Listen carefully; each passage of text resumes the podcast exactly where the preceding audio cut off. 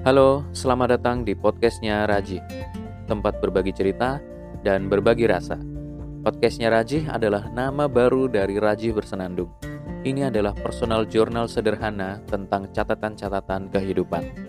Anggap saja ini dongeng sebelum tidur, atau sekadar menjadi teman Anda yang suka ngoceh di perjalanan. Ya, yang penting berusaha menghibur sambil mencoba nyampein sesuatu yang mudah-mudahan bermanfaat. Episode ini adalah bagian dari tantangan 30 hari bersuara 2022 yang diselenggarakan oleh komunitas The Podcasters Indonesia. Selamat mendengarkan.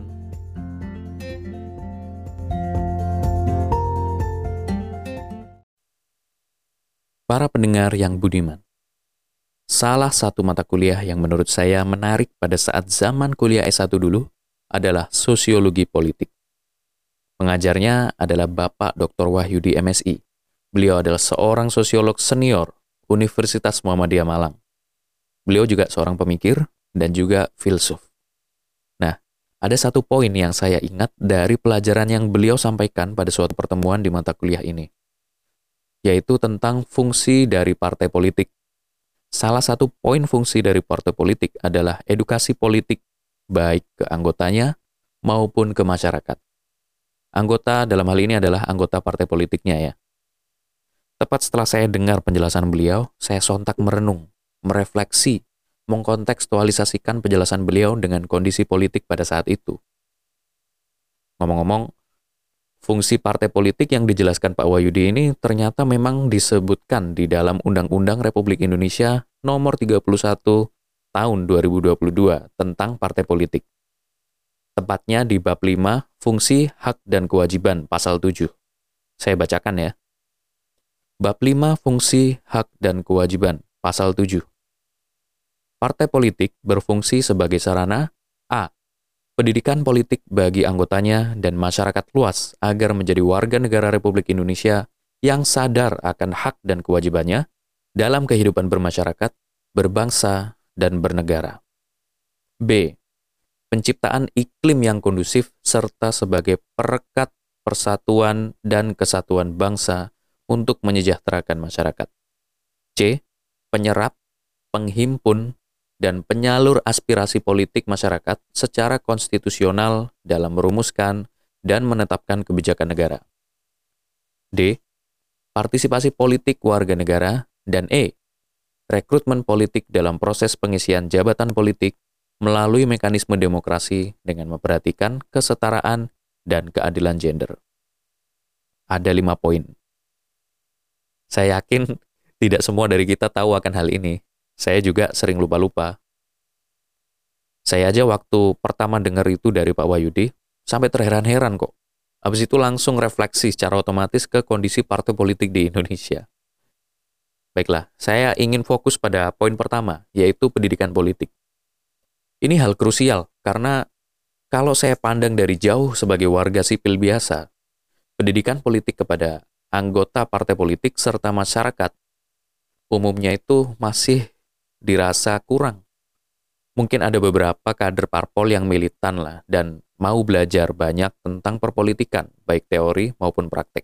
Sehingga karirnya di dalam ranah perpolitikan semakin bagus. Namun tidak sedikit juga yang mungkin secara kapasitas perpolitikan masih perlu ditingkatkan. Masalahnya, mereka yang masih perlu ditingkatkan ini adalah orang-orang yang juga dicalonkan oleh parpol. Bisa jadi di pemilihan legislatif atau mungkin eksekutif. Gak perlu jauh-jauh praktik politik di negeri kita. Di tingkat universitas saja, yang kalau di universitas itu kan ada pemilu raya mahasiswa kan, untuk pemilihan ketua BEM, pemilihan ketua senat, dan lain-lain. Itu aja masih ada kok yang seperti ini. Akan ada kemungkinan bagi partai politik yang sudah dibentuk oleh mahasiswa itu pada saat pemilu raya kampus untuk sekadar formalitas mengirim kadernya sebagai calon tanpa memperhatikan seperti kualitas, kredibilitas, dan lain-lain. Perihal kredibilitas, kualitas, dan mungkin popularitas itu urusan nanti. Atau bahkan kredibilitas dan kualitasnya itu dinomor duakan dulu. Yang penting dia populer. Kalau sudah populer ya bisa tuh dicalonkan. Hal serupa juga terjadi di perpolitikan negara Indonesia. Kalau para pendengar ingat, sempat kan, atau mungkin sampai sekarang ada, masih terjadi maksudnya, itu kan ada selebriti-selebriti yang direkrut oleh partai politik untuk dicalonkan di berbagai ranah, baik di legislatif maupun eksekutif berbagai tingkat. Ada eksekutif tingkat provinsi, mungkin juga kota atau kabupaten. Dengan direkrutnya mereka, kemungkinan kesempatan untuk dipilih itu ya diprediksikan akan lebih tinggi. Mengingat masyarakat sudah tahu nih siapa seleb yang dicalonkan itu. Tapi siapa pun yang direkrut oleh parpol, kalau edukasi politiknya jalan, maka sekalipun orang yang direkrut hanya bermodalkan popularitas, dia akan menjalankan amanah dengan baik karena sudah dididik oleh parpol dengan baik juga. Artinya ini tergantung orangnya, dia mau belajar atau tidak. Juga tergantung parpolnya mau memberikan edukasi atau tidak. Kalau parpol hanya memanfaatkan dia sebagai alat untuk kepuasan politik saja, ya sebenarnya kasihan parpolnya. Kasihan juga si calon. Terlebih lagi yang lebih kasihan adalah masyarakat Indonesia. Mereka sebagai korban nantinya. Makanya edukasi politik itu penting banget. Penting banget. Apalagi edukasi politik untuk anggota partai politik dan para calon-calon yang diusung. Nah, satu lagi yang penting. Sebagaimana disebutkan di poin pertama dari fungsi parpol ini, edukasi nggak hanya cukup di anggota parpol saja, tapi juga masyarakat luas.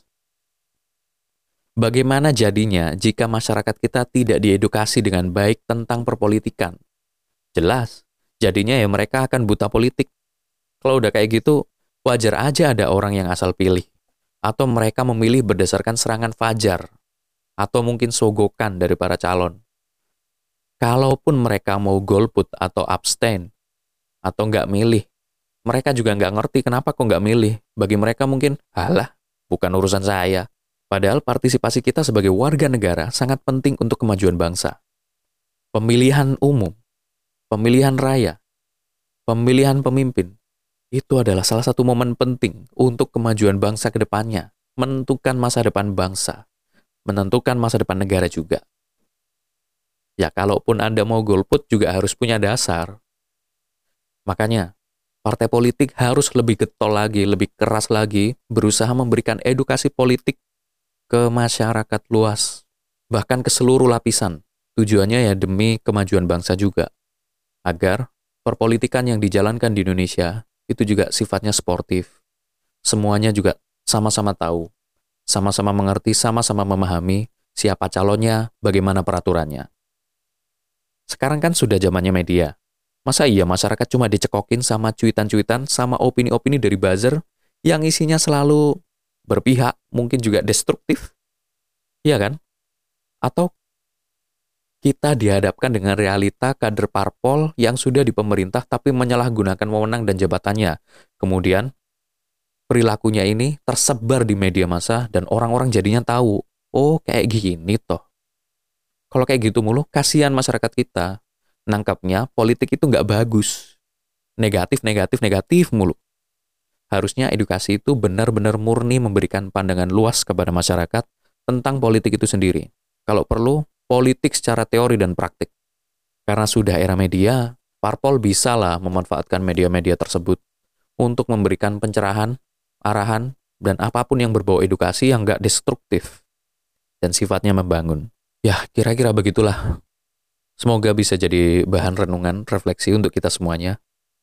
Dan semoga kondisi perpolitikan di Indonesia menjadi semakin baik, masyarakat kita juga semakin bisa belajar dari kondisi politik kita, dan semoga perihal edukasi politik baik kepada anggota parpol dan juga kepada masyarakat secara luas bisa semakin diperbaiki lagi di negeri kita.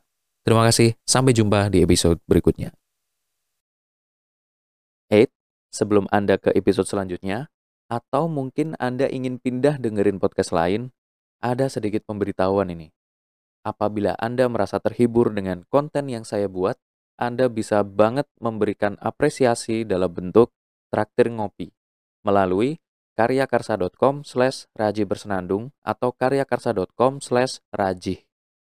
Atau bisa juga di socialbus.com slash rajiaraki slash stripe. Terima kasih.